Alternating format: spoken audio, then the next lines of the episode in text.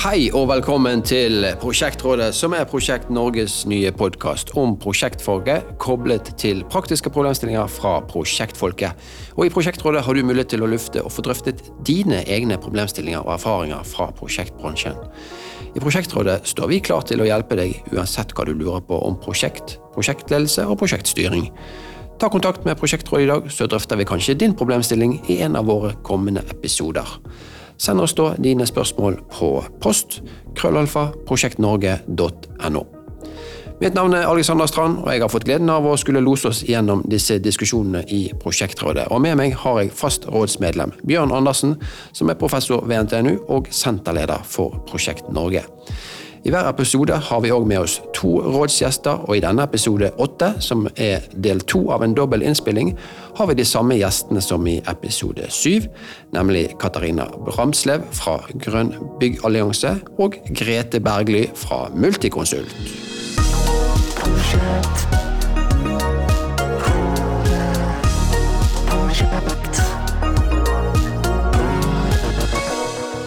skal vi ta neste spørsmål, som handler litt om det som uh, du var inne på nå til slutt her, Bream. Mm. Um, hei, kjære prosjektråd. Jeg jobber som prosjekteringsleder hos en total entreprenør, og jeg er etter hvert blitt ganske frustrert over Bream-metodikken. Den blir verre og verre med nye utgaver av manualen. Jeg opplever det som omfattende og dyrt og gir lite verdi. Er det bare waste of time og grønnvasking av prosjekt? Litt jeg var inne på, men uh, nå kommer taksonomien inn i Vream òg, hører vi. Mm. Så det er ikke rart han, uh, han, eller hun tenker det blir verre og verre. mm. Ja. Ja, jeg kan si det. det du vil vel kanskje si at det ikke er, er waste of time, i hvert fall? Nei, men, jeg, jeg har lyst til å kommentere det med kostnader litt òg, fordi at vi hører jo rett som det er at ja, men det koster så og så mye ekstra å, å dokumentere et Bream-prosjekt. Mm. Og så har vi også sammen med BA gått og sett på hva, hva, da, hva ligger de da i de kostnadene. Og det vi ser ganske ofte, er at i de Bream-kostnadene da, så ligger det energiberegninger, dagslysberegninger, klimagassberegninger. Det er nå tech-krav. Mm -hmm. uh, og det vil si at det er jo egentlig ikke Bream-krav. Så jeg tenker for det første så må man da skille ut hva er det som egentlig Blim krever i, i tillegg. Så er det noen såkalte AP-er, altså akkreditert profesjonell, som er en, en Blim-hjelper, som kanskje etterspør dokumentasjon som egentlig ikke Blim krever. Så man skal liksom være sikker på for utgangspunktet så skal man kunne bruke veldig mye av den dokumentasjonen som, som er. Mm. Så det kan hende at uh, man legger uh, hva skal jeg si, misforstår litt da, og tror at det er mer ekstra dokumentasjon enn det som egentlig er nødvendig. Um, og så i forhold til kostnader, da, hvis man f.eks. må dokumentere i forhold til taksonomien som jeg nevnte allikevel, så altså det kreves mer dokumentasjon framover fra flere, mm. nettopp for å hindre grønnvasking. Så jeg tror at det å dokumentere, det, det, er viktig. Og så må man også da se på, når man snakker kostnader, hva får man igjen for det? Ikke sant? På hvis man da tenker hva får man igjen på det på kostnadssiden, så kan man jo da eh, allerede Så er det jo banker eh, mange som gir eh, fordeler eh, både til den som finansierer eh, bygget, altså byggherren, men også den som mm. kjøper en, en leilighet, f.eks. boligkjøper, hvis bygget er sertifisert. Så da vil man også kunne tjene på det. Og så snakket vi under første spørsmålet her litt om dette med systematikk og orden og plunder og heft i prosjektene osv. Og, så og der får vi også tilbakemeldinger at mange som sier at i et Bream-prosjekt så eh, kreves det orden og mm. ordning og reda og systematikk hele veien, og at det mm. faktisk blir færre feil og mm. mangler. Eh, og at eh, det er veldig viktig å ha levert innen en viss fase. Eh, hvis ikke så får man ikke det poenget. Og da får man også orden på akkurat det vi snakket om i starten, ikke sant? sånn at eh, ting blir levert til tid. Så det er i hvert fall to aspekter når det gjelder eh, dette med, med kostnader. Ja, bra. Nå har vi jo brukt Bream i noen år. Mm i Norge. Og eh, vi har vel kanskje fått litt erfaringer, da. Mm. Er det gjort noe forskning på hva slags effekter Bream har gjort? Eller jeg vet ikke om du har noe på det, Bjørn, eller Katarina har det? vet ikke.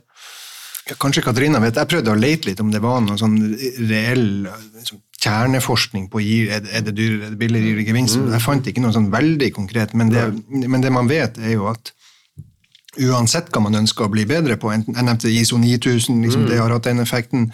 Et annet eksempel, altså Det du måler, får fokus, og det forbedres du på. Og Et eksempel som jeg liker godt, er jo den her eh, sikkerhet i bilordninga, det som heter Euro NCAP, som kanskje mange ser i reklamer for biler, så står det hvor mange stjerner man har. Og, sånt. og Før det ble innført, så var det stort sett bare Volvo som brydde seg om det. Og etter at det ble innført, så har den kurven gått dramatisk opp. Bilene er blitt uendelig mye sikrere, selv de billigste og minste bilene. Mye sikrere i dag enn en stor bil var for 20 år siden. Og jeg, jeg tror jo akkurat samme her. Hvis du ikke har hatt noe sånt som gjør at du må måle, du må dokumentere det systematikk, så vil det kanskje kravle seg litt forsiktig fremover. Men dette er noe som, som vi løfter, og etter hvert som man gjør det, så blir vi mer og mer effektive. Vi lærer det. Kostnadene der det måtte være litt ekstra, vil gå ned, og gevinsten er stor.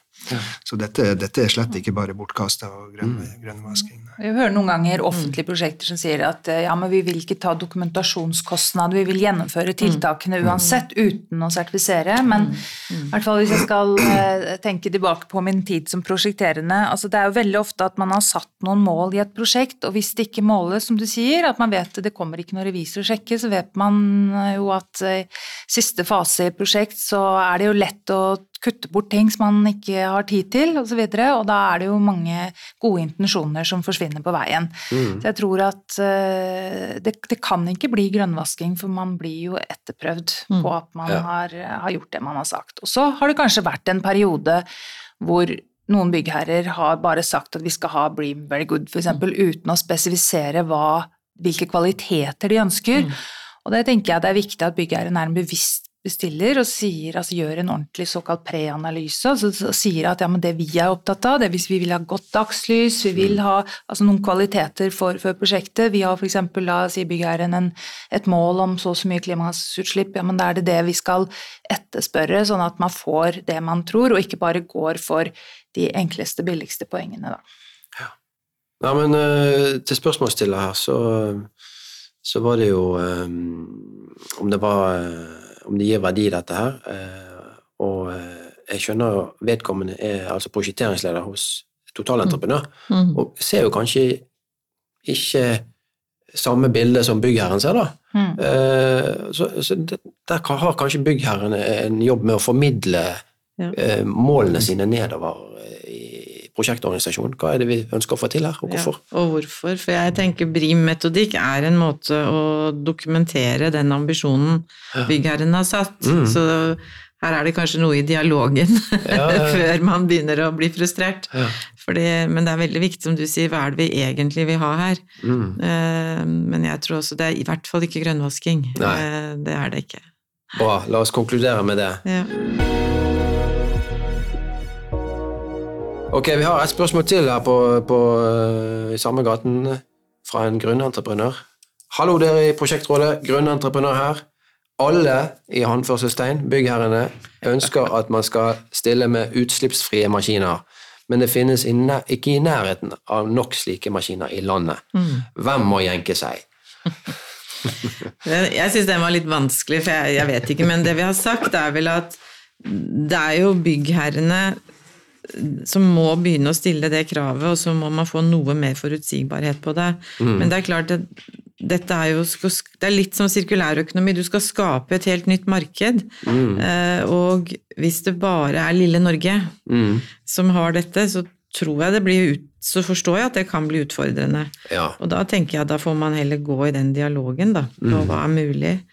Eh, gitt i det området jeg er geografisk, eller på det som er tilgjengelig. Men det er jo flere eh, maskinentreprenører nå som begynner å lage eh, maskiner tilpassa utslippsfritt. Mm.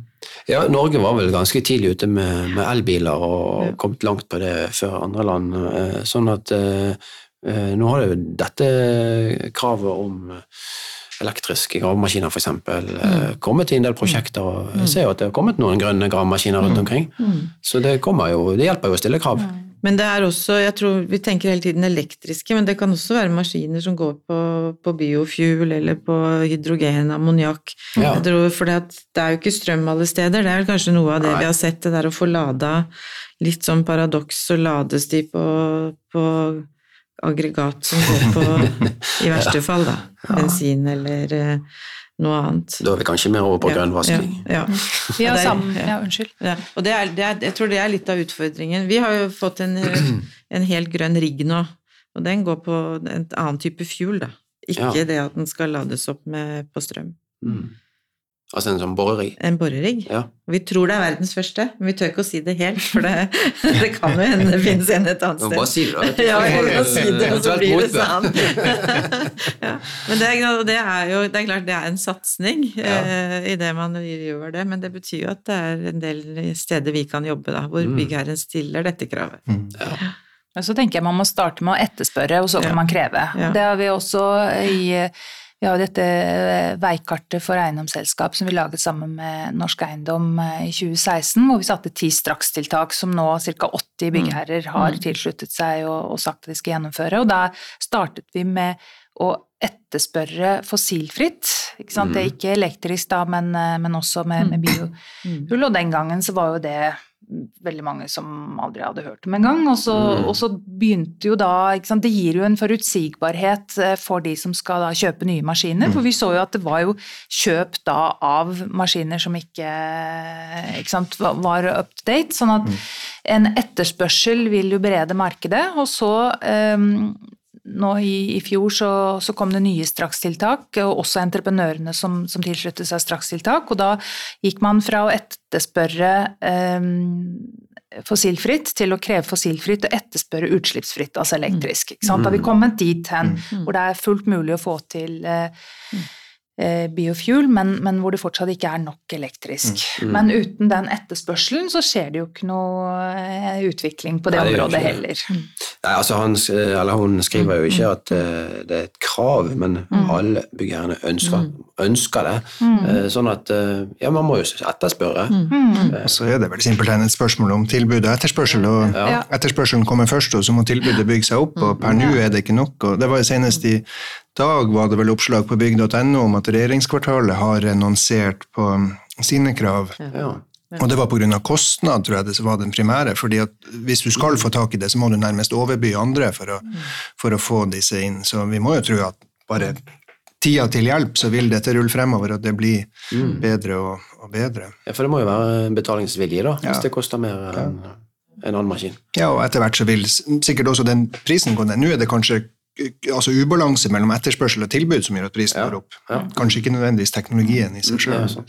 Jeg tror det er viktig at man klarer Man kan også bygge om eksisterende maskiner. eh, For det er mange som sier at det er jo lite miljøvennlig å skrote de man har, men, men her kan man For det første så kan man bruke bio eh, på de som er tilrettelagt for noe annet. eh, Og for det andre så kan man også bygge om eksisterende maskiner så de kan bli elektriske. Veldig mange av de i hvert fall.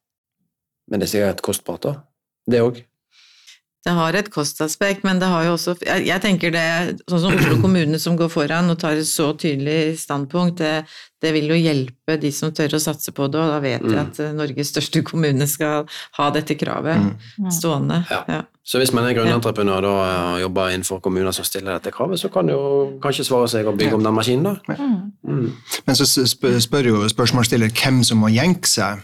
Og, og det vil vel da enten være de som ligger mer i utkantstrøk der disse maskinene ikke fins, eller de som ikke har evne til å betale ekstra for det. Og så får vi håpe at tilbudet kommer etter hvert. Jeg tenker jen- altså, Jenkingen skal ikke gå på det å ønske å etterspørre, for man kan starte der, og så kan man jo få svar det at eh, per nå så er det dessverre ingen som kan levere pga. sånn og sånn og sånn. Ok, men da har de prøvd, og så kan man kanskje få det til på deler av prosjektet osv. Men jeg, jeg syns ikke at eh, mangel på eh, Altså tilbudsmangel skal hindre at man fortsetter å etterspørre og har det som ønske. Nei, enig i det. Ok, vi eh, oppsummerer med det. Og så tar vi siste spørsmål her, tenker jeg. Ehm, så går vi inn for landing. Hei, Prosjektrådet. Som nyutdannet sivilingeniør har jeg bare arbeidet noen måneder i min første jobb. I selskapet der jeg arbeider er det ganske mye kamp om å få komme med i de beste eller mest attraktive prosjektene.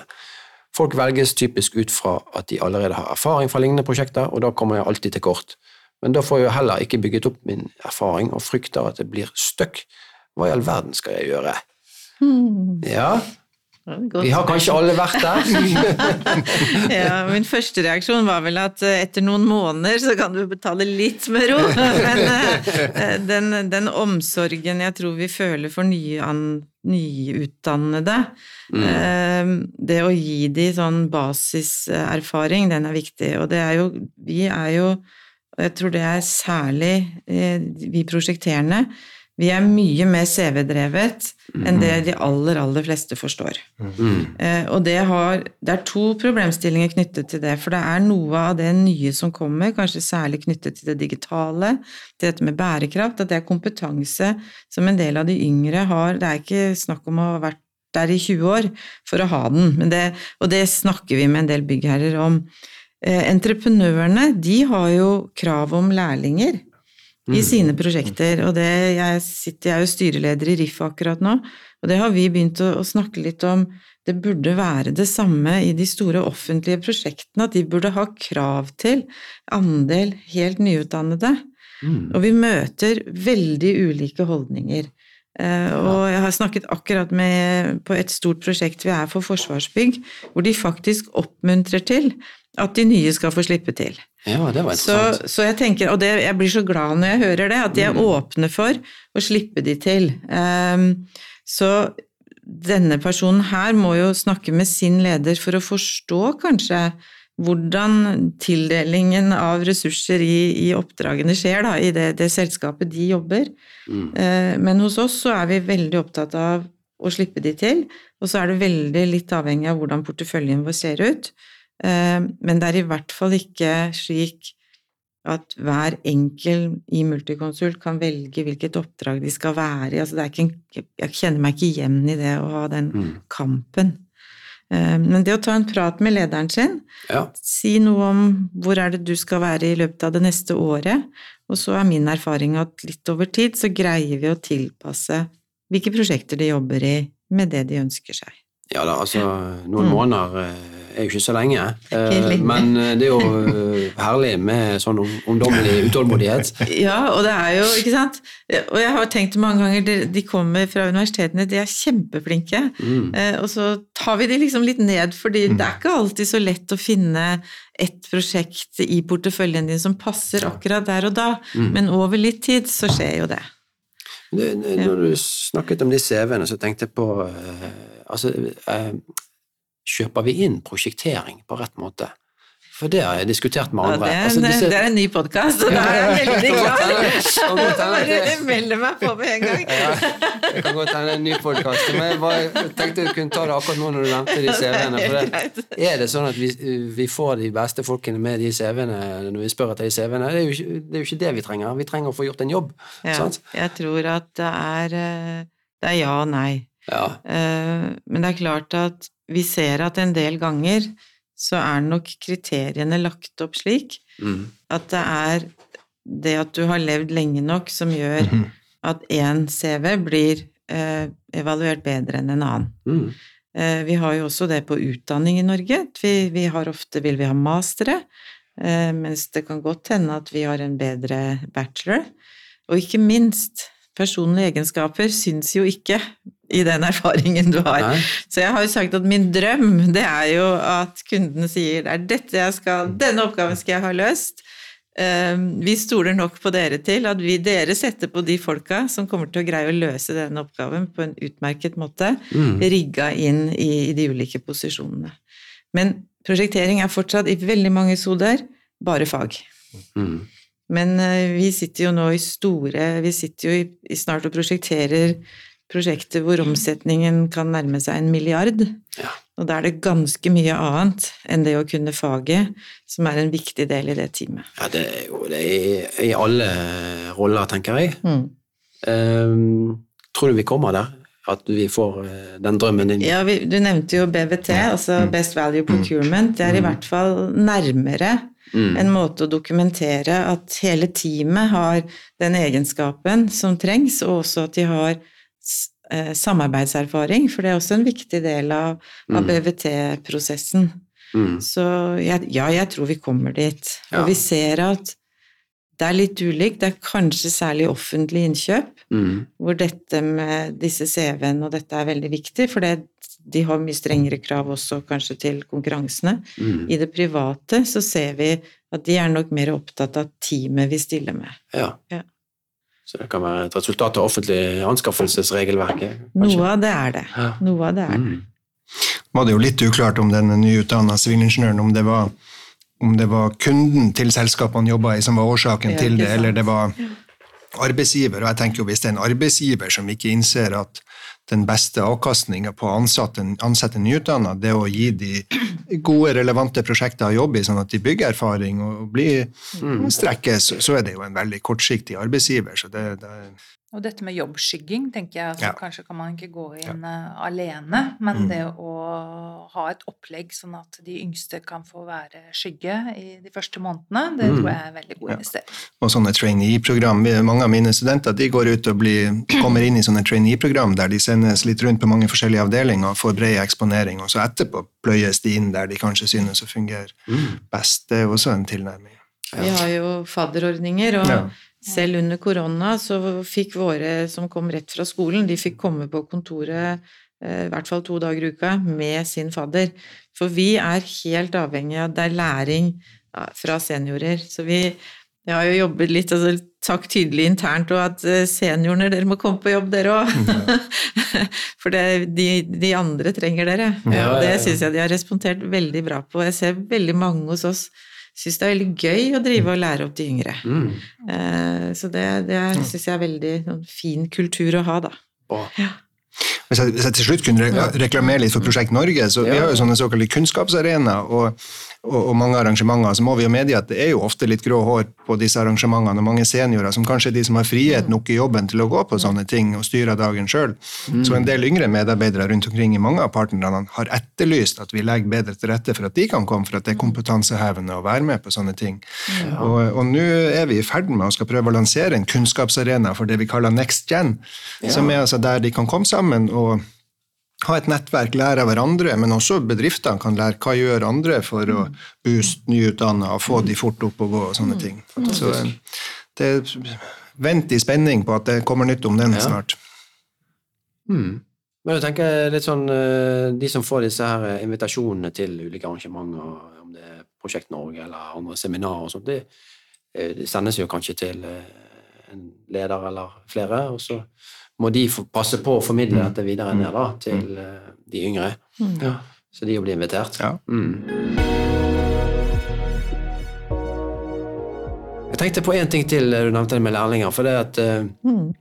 de prosjekterende skulle jo gjerne hatt litt mer praktisk erfaring, Mm. syns jeg. Mm. Eh, og, og kanskje de òg skulle vært ute på byggeplassen Ja. eh, som lærlinger, eh, Ja, og i det- anførselstegn. Og det har vi jo snakket i, Ja. Da jeg begynte å jobbe, var det veldig vanlig. Ja. Eh, Og så etter hvert ble de borte. Eh, Jeg, jeg er utdanna i England, eh, jobbet der noen år. Mm. Eh, Og der var jo kravet for å bli charter, det som er egentlig Siving-tittelen, som vi bare får. Ja. Da hvis du jobbet hos en rådgiver, så måtte du i løpet av de tre første årene være ett år på byggeplass, og motsatt. Så der hadde man satt det litt i system. Og vi har diskutert med noen partnere òg, skulle vi fått til en rotasjon? Mm. Vi prøver å oppmuntre til det. Vi gjorde, da jeg ledet Oslo, så hadde vi noen år det vi kalte Årets byggeplass. Eh, Så da fikk de som begynte, fikk lov å følge Deichman og Munch, ikke sant? for vi har jo byggeplassen veldig ofte rett ved siden av oss for å skjønne hva skjer. Mm. Det, er- det er litt krevende, men ja, byggeplasserfaring. Har du anledning til det, så gjør det, og vi prøver å få folka våre ut. Mm. Ja, og, og den ordningen der med rotasjon hørtes jo veldig lurt ut. Ja. At du kan få et, eh, utveksling begge veier. Ja. At de som er ute og bygger, kunne fått lært litt mer om planlegging. Ja, eh, Og de som eh, planlegger og prosjekterer, kunne lært litt mer om bygging. Mm, mm. Det det, det går begge veier. Ja. det, er, det er helt riktig, med en praktisk erfaring. Jeg, jeg var jo selv byggeleder på en byggeplass i Glasgow, så jeg sier jo mange ganger har jeg sagt at alt jeg lærte i livet, lærte jeg egentlig på den byggeplassen. Som eneste jente fra utlandet og, og 25 år. Det, det var ganske lærerikt.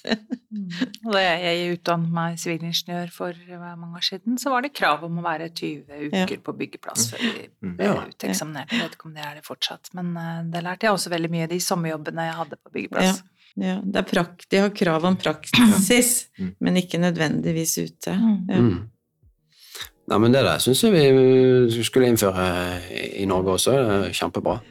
Og til uh, hun eller han som har sendt inn spørsmålet her, så, så tenker jeg at uh, jeg har snakket med sin leder, det er et godt råd. Eh, og så tror jeg òg bare være litt frempå og være modig og, og tørre å si ja til oppgaver og ta, ta ansvar for ting. Det lærer man òg mye av. Ja. ja. Er vi fornøyde? Skal vi runde av eh, denne episoden? Da sier jeg tusen takk for at dere ville komme, Grete og Katarina. Tusen takk for invitasjonen. Ja. Det har vært veldig, veldig hyggelig. Veldig interessant.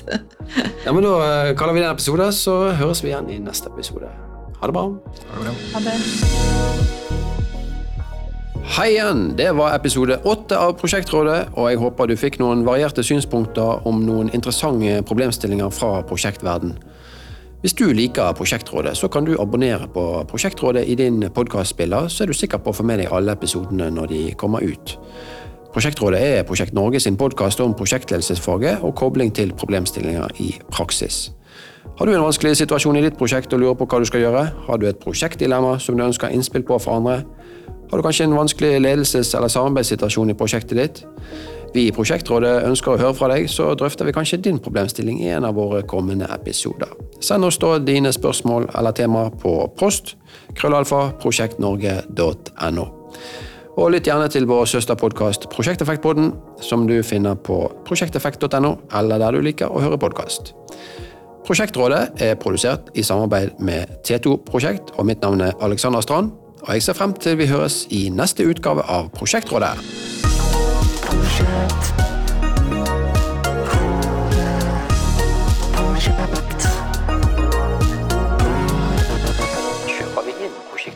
Rett måte? en ny podkast, og da er jeg veldig glad. Jeg Melde meg på med en gang.